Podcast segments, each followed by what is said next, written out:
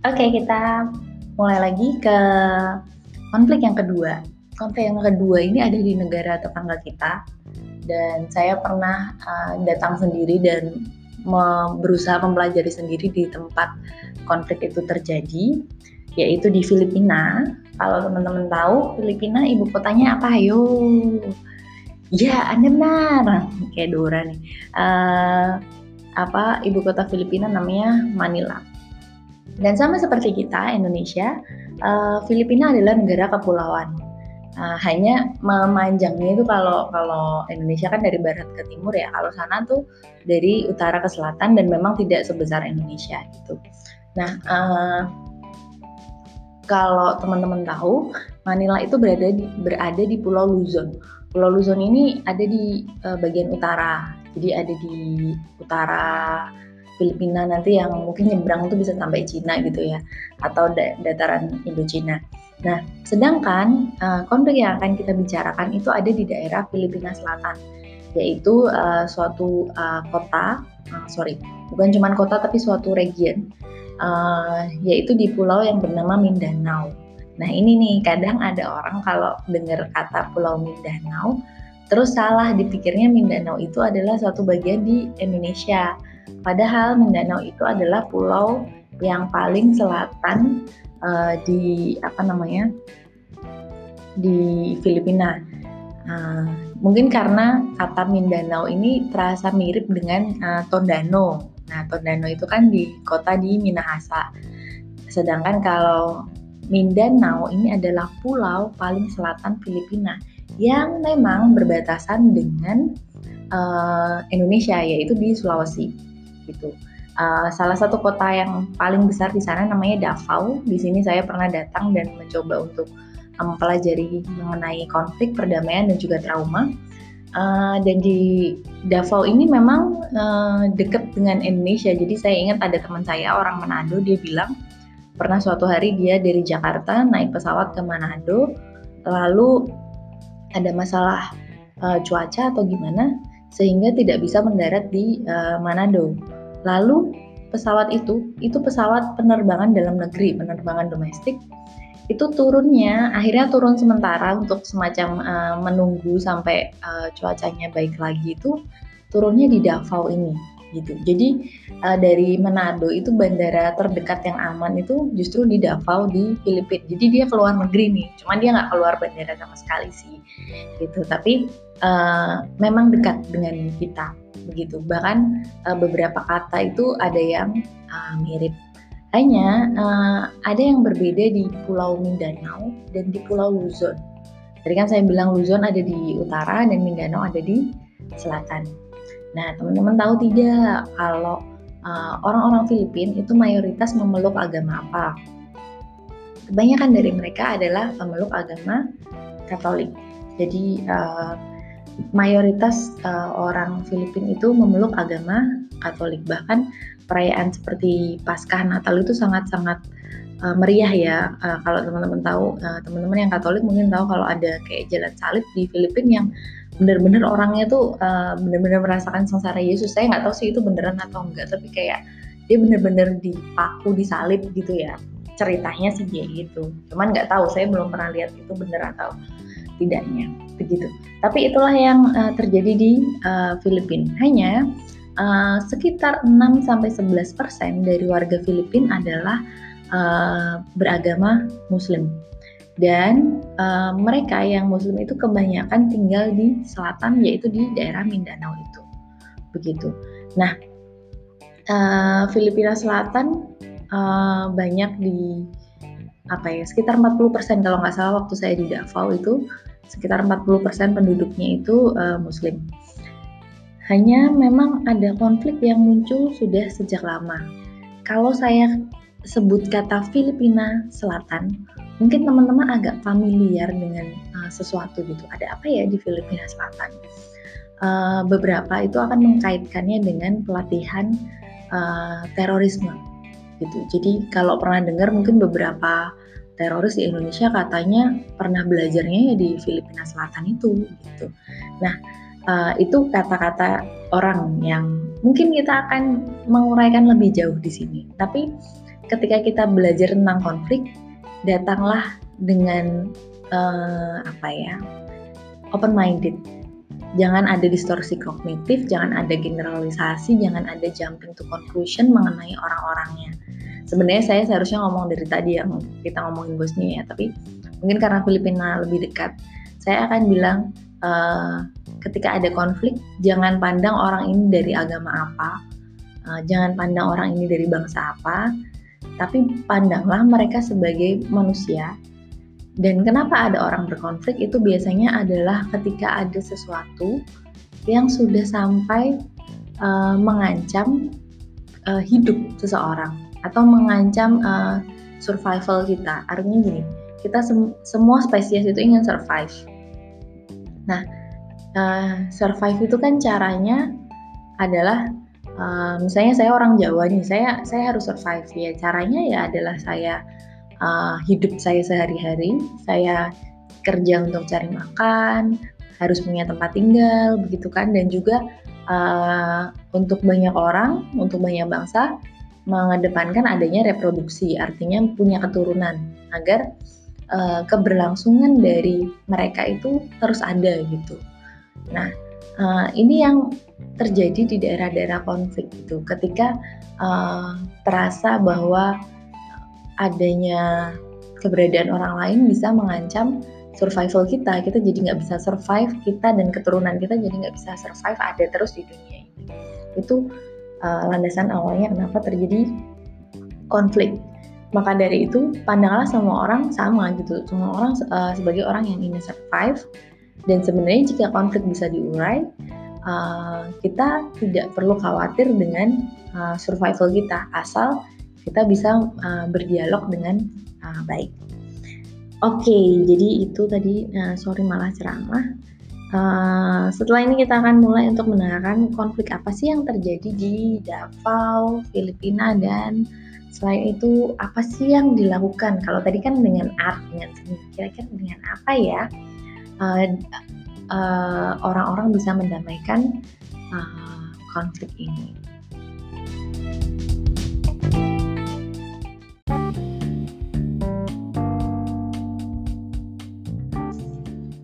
Oke, okay, kita mulai belajar sejarah lagi ya. Jadi hari ini kita temanya belajar sejarah.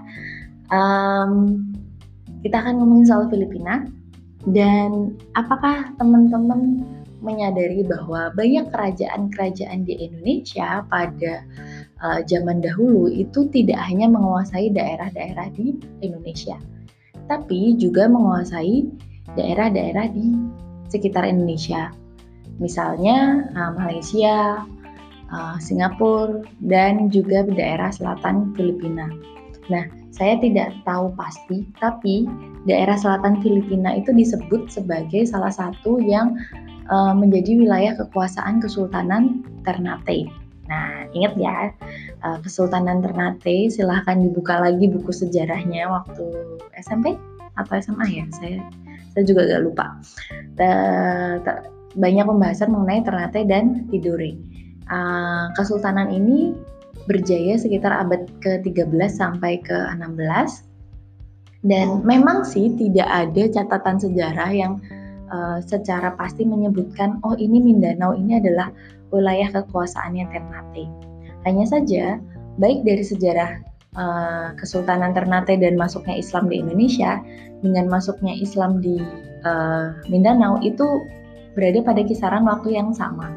Uh, dibawa oleh pedagang-pedagang dari Persia, Arab uh, ke daerah-daerah kepulauan di sekitar Nusantara gitu. Jadi saya tidak tahu apakah Mindanao itu masuk ke wilayah kekuasaannya uh, Ternate atau tidak, tapi setidaknya dia ikut terpengaruh dengan adanya uh, persebaran agama Islam pada waktu itu. Nah, uh, dan memang dia secara apa ya, secara root akarnya itu memang terasa lebih dekat dengan orang-orang Melayu gitu, dengan orang-orang di uh, Sulawesi bagian utara atau di daerah Malaysia yang bagian timur Malaysia. Mereka merasa lebih dekat uh, karena cara berbicaranya, terus uh, kosakatanya itu ada beberapa yang uh, sama atau mirip. Hanya memang dalam perkembangannya sudah berbeda dan uh, sayangnya posisi Mindanao ini dibandingkan Filipina agak agak jauh gitu. Jadi uh, dia terasa lebih dipengaruhi oleh Malaysia dan Indonesia dibandingkan oleh Filipina. Mungkin rasanya seperti itu dulu ketika uh, masa uh, kerajaan. Nah, kemudian uh, sekitar tahun saya lupa tahun berapa 1600-an kalau nggak salah mulai terjadi uh, apa namanya kolonialisme dari Eropa. Kita Indonesia dijajah oleh Belanda.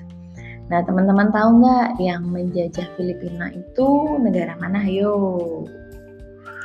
Ya, benar. Uh, yang menjajah adalah negara Spanyol. Jadi uh, Spanyol menjajah Filipina selama sekitar 400 tahun. Uh, dan Spanyol itu nyampe nya gitu turunnya gitu ya. Datangnya itu dari Filipina Utara. Jadi dari daerah Luzon dulu gitu. Uh, bukan di Mindanao yang saya sebutkan tadi, tapi dari, dari daerah utara dulu gitu. Jadi untuk yang bingung saya ulangi sekali lagi, pada abad ke-13 uh, perdagangan uh, apa namanya? para pedagang Persia menyebarkan agama Islam itu dari Filipina di bagian selatan.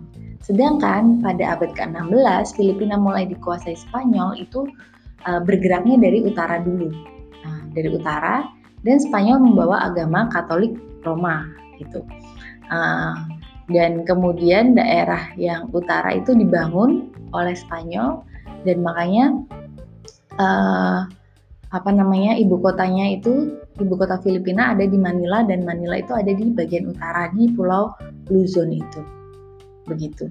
Nah uh, Spanyol menjajah itu sampai 400 tahun di uh, Filipina dan memang karena dia menjajah dia exploring ya jadi pasti dia exploringnya kan uh, satu-satu nih dari yang utara, nah terus baru ke selatan gitu. Nah sejak awal uh, orang-orang itu menentang, maksudnya sejak awal ya sama lah kayak di Indonesia gitu ya, ada banyak yang menentang.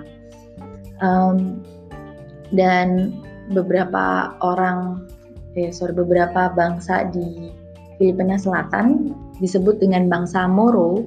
Bangsa Moro ini uh, dari dulu memang memberontak dengan kehadiran Spanyol. Hanya entah kenapa di Spanyol, uh, terutama di bagian utara, yang uh, tadinya mereka masih menganut kepercayaan setempat. Jadi kalau kayak kita tuh kejawen gitu loh.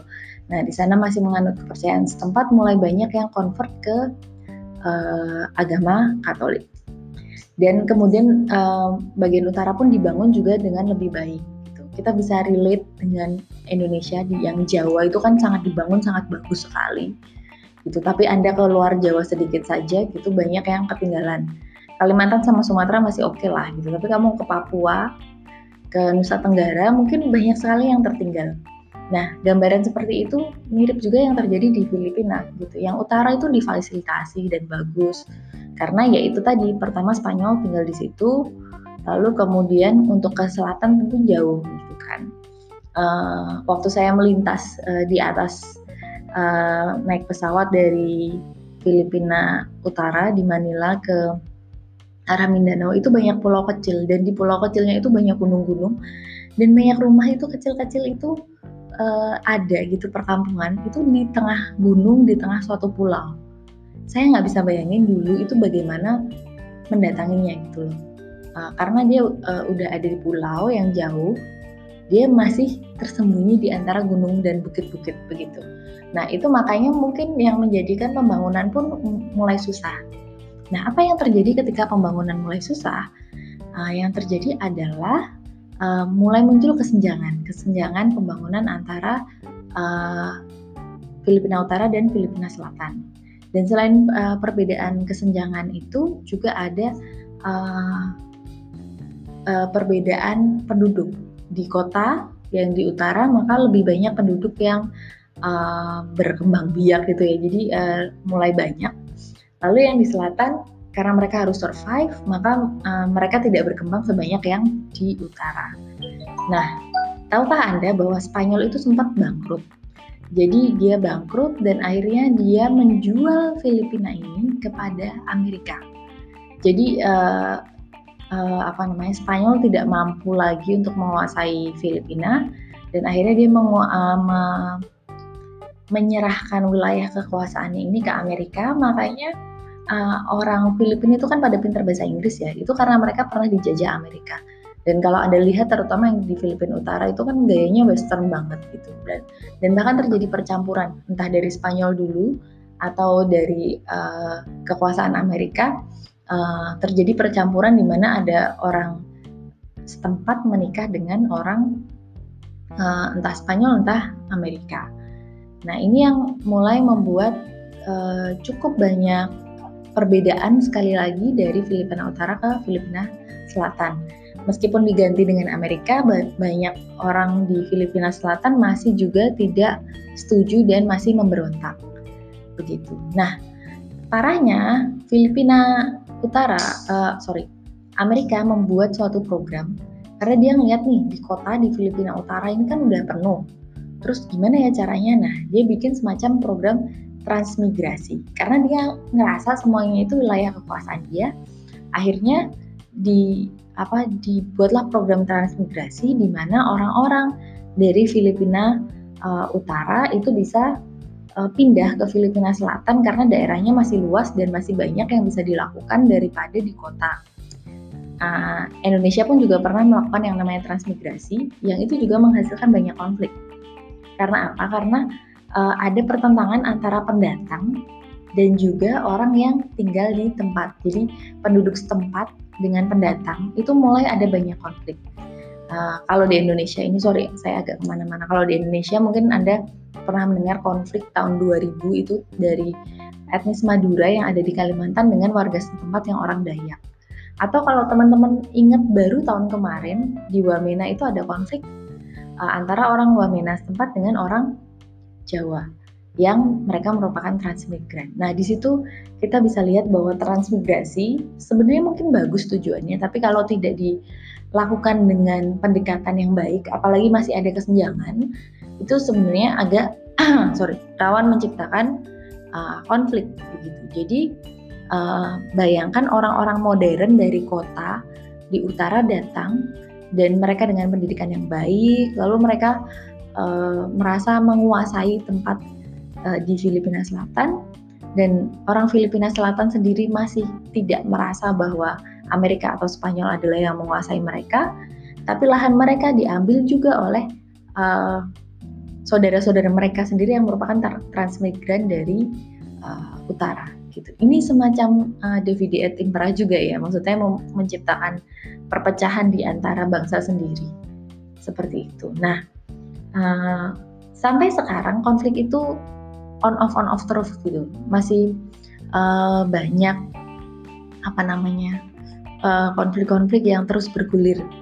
Nah ini yang uh, akan kita bahas nanti. Kira-kira apa saja sih yang sudah dilakukan oleh beberapa pihak gitu untuk bisa me menghindarkan atau sorry meredamkan konflik-konflik yang terjadi ini kita akan sambung sebentar lagi.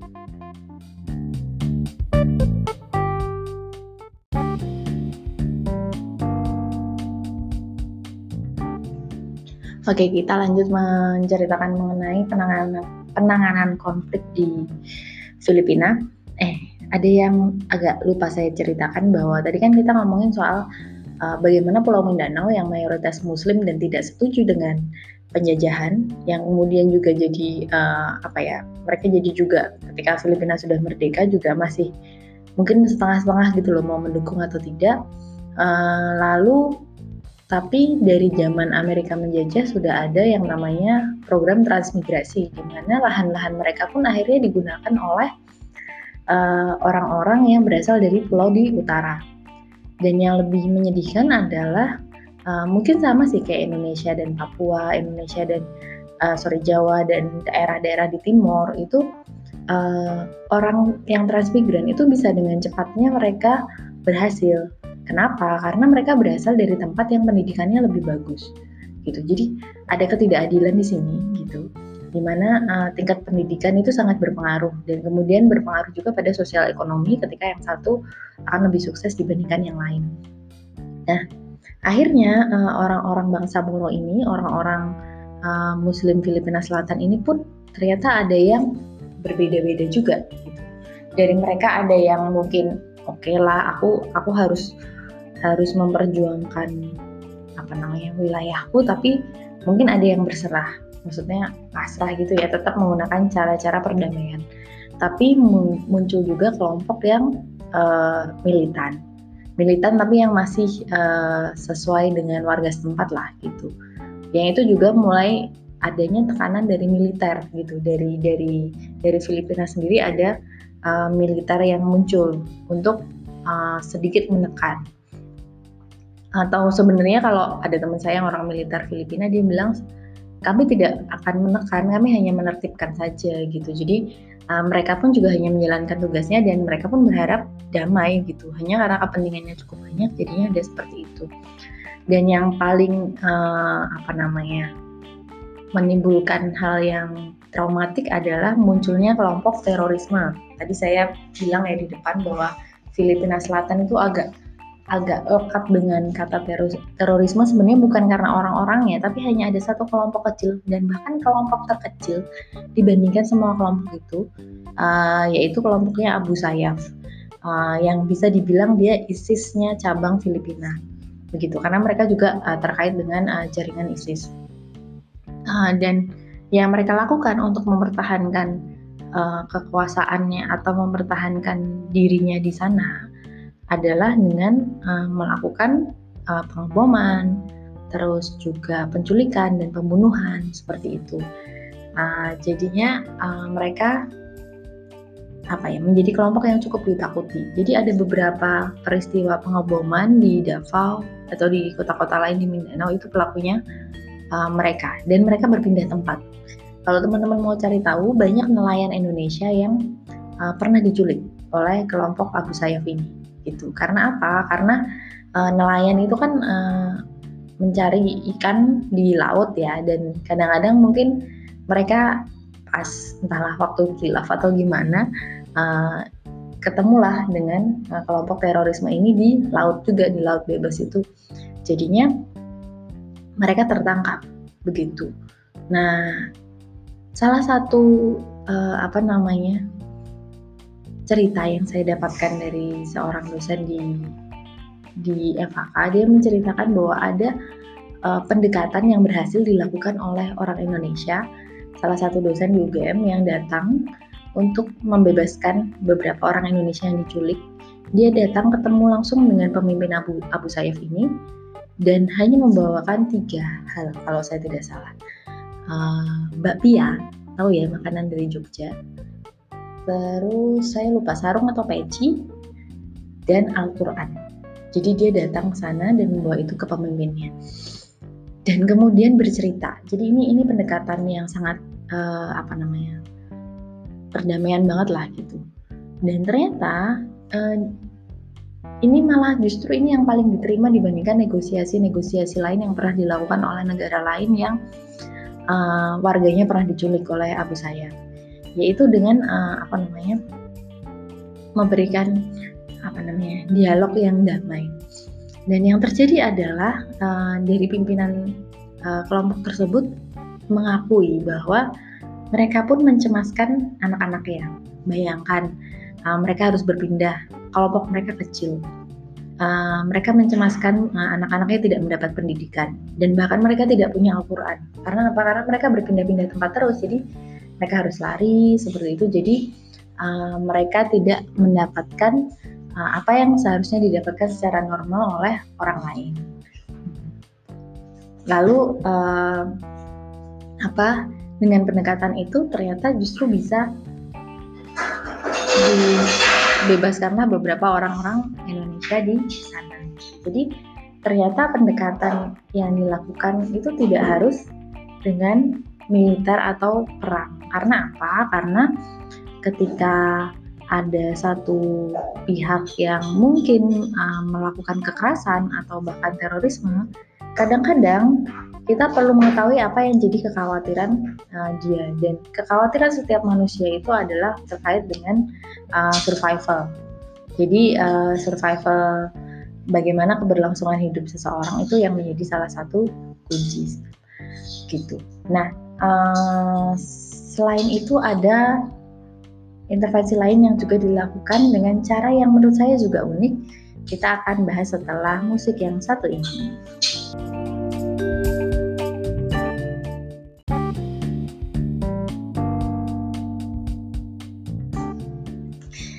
Oke, kita sampai pada intervensi yang dilakukan uh, oleh salah satu pihak. Ini bagian dari intervensi besar ya. Maksudnya ini sebagian kecil yang bisa dilakukan meskipun tentunya butuh intervensi besar lain dari pemerintah atau dari uh, berbagai macam gerakan yang lain. Uh, jadi uh, salah satu cara mendamaikan terutama kaum migran dari uh, Filipina Utara dengan bangsa Moro di Filipina Selatan adalah dengan kopi. Nah, kopi gitu kan. Bagaimana mungkin kopi bisa mendamaikan uh, mereka gitu. Nah, ini buat yang yang suka ngopi, yang suka ngobrol di kafe, ternyata uh, ngopi itu bisa bisa membantu mendamaikan dua uh, pihak yang berperang. Jadi ceritanya sebenarnya berawal dari sepasang suami istri, orang Filipina, orang Luzon sebenarnya mereka, uh, Filipina Utara, tapi mereka tidak tinggal di Filipina, mereka tinggal di Kanada selama mungkin 20 atau 30 tahun saya lupa. Sepasang suami istri ini Bapak uh, Lakan Sumulong dan istrinya. Uh, dan mereka tinggal di Kanada, mereka punya pekerjaan yang tetap dan mereka punya kondisi finansial yang sangat baik sekali. Jadi uh, happy lah gitu loh. Misalnya mereka punya apa yang sangat diinginkan oleh orang-orang lain gitu. Tapi Bapak Lakan ini suatu hari ketika sudah ya kalau sudah 30 tahun kerja artinya dia sudah senior ya, sudah usianya mungkin sudah 50 atau 60 tapi masih sehat. Saya pikir sudah sudah mencapai 60 sih usianya. Uh, tapi masih sehat. Uh, tiba-tiba dia merasa bahwa aku hidup di negeri orang dengan bahagia sedangkan uh, negaraku tuh masih ada masalah gitu. Uh, lalu dia bilang ke istrinya bahwa dia ingin kembali ke negaranya dan membantu uh, membantu banyak pihak mungkin yang masih merasakan kemiskinan atau yang uh, masih dalam konflik. Dan reaksi pertama istrinya adalah kamu kayaknya sakit jiwa deh, kamu kayaknya halu gitu. Itu menurut istrinya. Lalu yang dilakukan adalah pergilah ke psikiater. Karena di Kanada atau di negara barat itu kan pergi ke psikiater bukan suatu yang stigmatis ya. Maksudnya mereka mereka paham uh, tentang kondisi kesehatan mental. Jadi Bapak Lakan ini pergi ke psikiater di Kanada. Dia menceritakan keinginannya dan dia mendapatkan hasil pemeriksaan, ternyata pemeriksaan kejiwaannya baik. Lalu bilanglah dia ke istrinya bahwa pemeriksaan kejiwaannya baik, lalu uh, apa namanya? Uh, dia diperbolehkan, jadi istrinya masih di Kanada, dia diperbolehkan untuk datang ke Filipina duluan waktu datang ke Filipina dia belum tahu apa yang harus dilakukan. Jadi dia menjelajah dari utara sampai ke selatan sampai akhirnya dia ketemu di Mindanao yang waktu itu perangnya itu masih banyak gitu. Jadi masih uh, apa namanya uh, gencatan senjata, kok gencatan senjata apa uh, pengeboman peperangan itu antar suku itu masih banyak. Gara-gara itu tadi ada migran dan uh, bangsa Moro yang uh, berbeda apa namanya berbeda kebutuhan dan keyakinan, tapi juga dari antara mereka sendiri juga terpecah-pecah. Dan Bapak Lakan sampai di situ dia tahu, oke, okay, aku yakin di sinilah aku akan berguna. Jadi dia mencoba untuk menjalin uh, interaksi dengan warga sekitar dan juga menjalin koneksi, membangun jaringan yang ingin membuat adanya peace gitu ya. Jadi uh, menciptakan perdamaian di situ. Nah, ketika dia sudah menemukan beberapa orang yang bisa diajak berdamai, kemudian istrinya datang menyusul. Dan sebenarnya Bapak Lakan ini udah deg-degan waktu istrinya nyusul gitu. Dia pasti istrinya nggak nyangka bahwa tempat mereka berada itu benar-benar daerah konflik yang benar-benar masih perang. Dan ternyata benar gitu. Mereka tinggal di Davao. Lalu ketika mereka malam pertama istrinya datang, mereka masih tinggal di apartemen atau hotel, saya tidak tahu. Itu terjadilah uh, pengeboman gitu. Jadi dia dia katanya berusaha untuk nggak bilang ke istrinya apa yang terjadi. Uh, dan seperti itulah Davao pada waktu itu. Sekarang sudah agak mending gitu, tidak ada pengeboman lagi, tapi berbagai tempat itu masih dijaga militer. Jadi saya ke pasar malam itu ada apa tank gede gitu. Terus kita ke mall itu uh, polisi yang di uh, apa penjaga ini bukan polisi kok dia, penjaga yang di depan mall itu uh, bawa uh, senjata laras panjang gitu. Jadi di depan mall. Kalau yang di dalam enggak sih. Uh, saya tinggal di hotel itu polisi masuk hotel.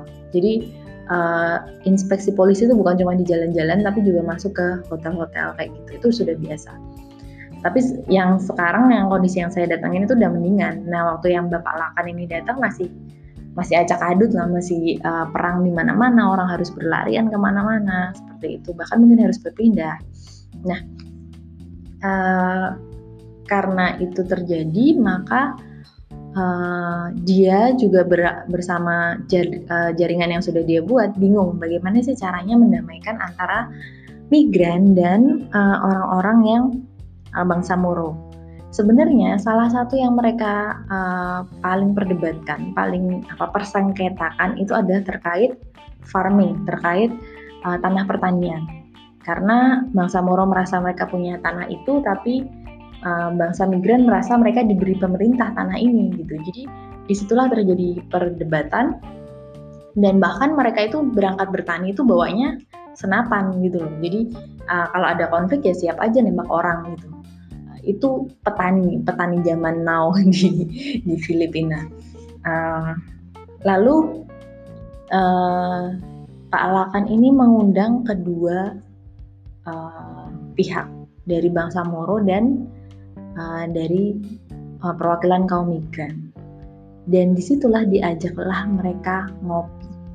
Jadi bukan dialog untuk uh, atau berperang atau apa, dia bikin kondisinya santai dan diajaklah mereka untuk ngopi.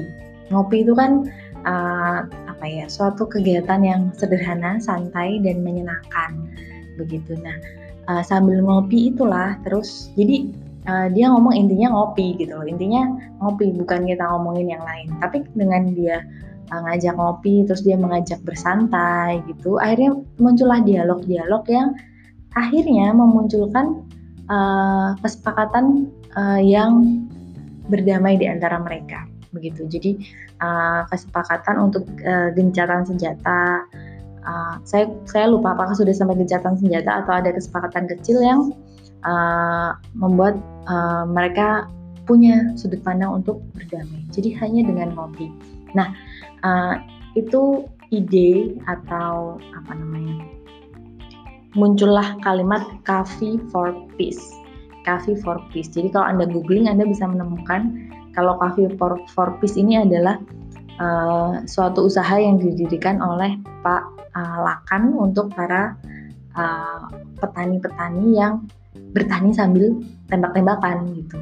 Nah, uh, setelah menyadari bagaimana kopi ngopi bareng itu bisa mencairkan suasana, lalu Pak Lakan dan istrinya kebetulan istrinya itu punya latar belakang ekonomi, mulai punya ide gitu bahwa bagaimana kalau kita ajak mereka bikin kopi gitu.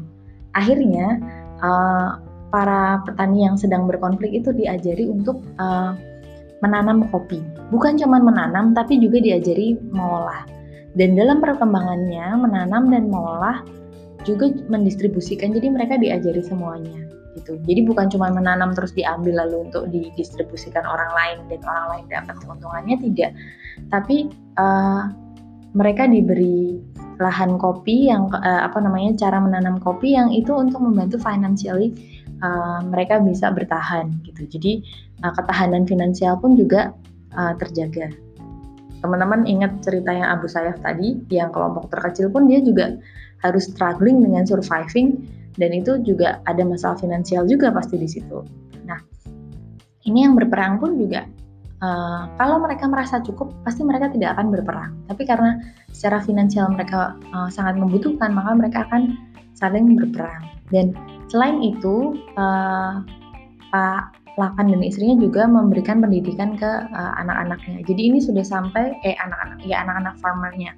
Jadi ini sudah sampai tahap di mana setahu saya si anak-anak farmernya ini juga sudah bisa mendidik adik-adiknya. Jadi pendidikan pun diperhatikan di situ. Jadi pendidikan adalah satu salah satu kunci yang penting untuk mendamaikan uh, pihak yang berkonflik. Nah, meskipun dalam kondisinya sampai sekarang katanya istrinya, saya ketemu langsung sih dengan Pak Lakan dan istrinya itu, si istrinya itu sampai bilang, oh saya itu udah biasa kok ke pertanian bersama petani yang membawa senapan gitu dan ya saya santai aja. Kalau tiba-tiba mereka akan uh, apa namanya saling tembak-tembakan saat itu juga uh, saya ngerasa ya udah sih saya sudah sudah hidup dan sudah berbuat baik gitu selama ini. Jadi saya pikir saya sudah tidak takut lagi kalau mati ditembak. Dia sampai bilang kayak gitu. Jadi dia pikir ya dia sudah melakukan yang terbaik untuk semuanya jadi tidak ada hal yang dia sesali tidak ada sama sekali hal yang membuat dia akan menyesal kalau tiba-tiba dia ditembak hari itu juga gitu makanya dia juga berani dia nggak takut-takut gitu untuk uh, mendampingi para petani turun ke lapangan nanam kopinya gimana gitu dia nggak takut. Nah ini luar biasa sih dari seseorang yang uh, apa namanya ingin mencapai menciptakan perdamaian.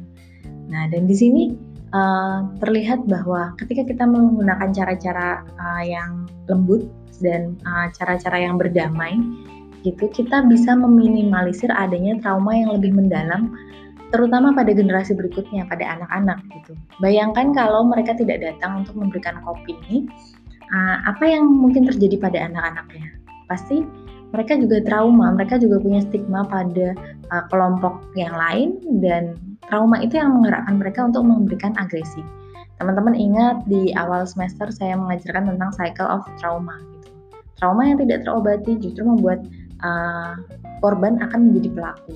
Nah, cara memutusnya salah satunya adalah dengan seperti ini gitu. Jangan dengan intervensi trauma yang luar biasa besar gitu, bukan cuma intervensi trauma yang untuk satu orang tapi uh, intervensi trauma yang untuk komunitas gitu. Hanya dengan ngopi dan kemudian mengajak orang-orang membuat kopi, secara finansial mereka akan aman, secara pendidikan mereka anak-anaknya aman, maka mereka juga akan merasa oke okay, keturunanku akan aman dan itu akan uh, menjadi uh, apa namanya suatu solusi yang cukup baik. Meskipun sampai sekarang saya nggak tahu sih sekarang uh, Bangsa Moro ini sudah mendapatkan autonomi sendiri, seingat saya. Uh, wilayah mereka mendapatkan autonomi sendiri dan dapat menjalankan hukum Islam, kalau saya nggak salah. Tapi kondisinya memang masih on off on off terus, hanya sudah jauh lebih baik. Jadi kalau sekarang kita ke Davao, ya itu tadi penjagaan masih banyak karena orang-orang masih trauma dengan bombing-bombing itu dan masih ada sekelompok uh, apa namanya warga yang memberontak dan kadang uh, melakukan apa namanya kekerasan seperti pengeboman.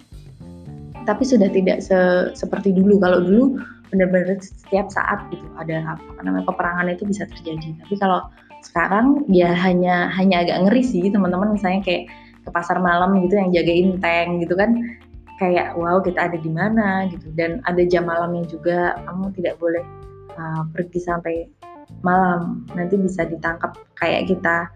Uh, kayaknya kita nggak bisa deh kita PSBB aja gagal kan.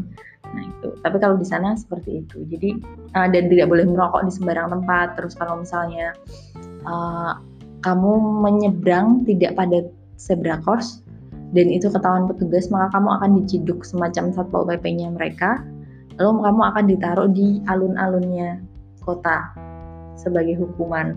Kayaknya di apa namanya dipanas-panasin di sana gitu. Jadi masih ada hukuman-hukuman seperti itu. Bahkan ketika kita ada di restoran, terus tas kita kita tinggal untuk cuci tangan atau untuk apa pun gitu, dan nggak dilihat nggak ada orang yang melihat atau menjaga, nggak ada temanmu yang jagain tasnya, jadi tasnya ditinggal di tempat duduk, itu kamu bisa ditangkap karena mereka ada uh, trauma dengan yang namanya pengeboman gitu. Jadi uh, masih ada hukum-hukum yang uh, apa ya digunakan untuk melindungi mereka.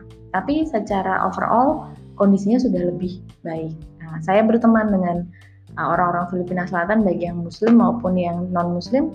Ya mereka sekarang sudah bisa berbicara. Uh, sama militer juga ada teman saya yang militer. Sempat sih ag agak bersih tegang, tapi ternyata mereka uh, sudah apa ya saling berbicara. Karena militer pun juga ada yang jadi korban kan dalam dalam menjaga ini.